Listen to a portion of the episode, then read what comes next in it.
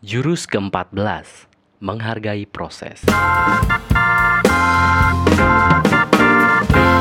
Hai para pembelajar. Apakah kamu percaya dengan yang namanya kebetulan?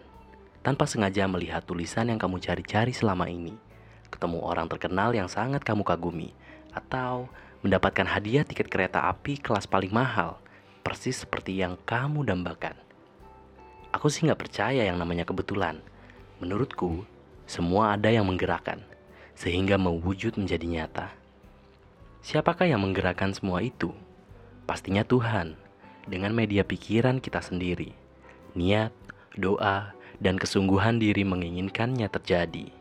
Jika kebetulan itu tidak ada, bagaimana cara yang tepat menyikapi keadaan, peristiwa, kejadian, dan pengalaman yang kamu alami? Coba lakukan tiga langkah berikut ini.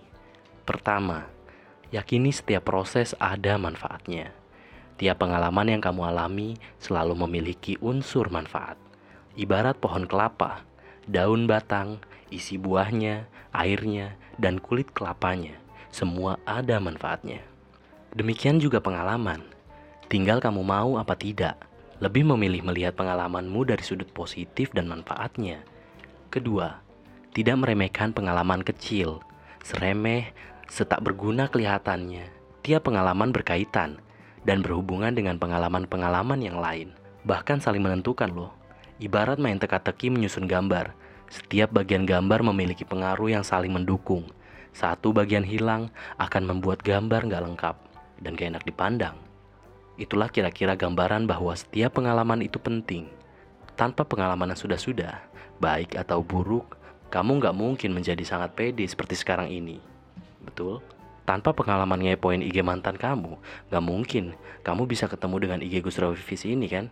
Ketiga, apa pun hasil akhir upaya yang kamu lakukan, terimalah dan perlakukanlah sebagai hasil terbaikmu.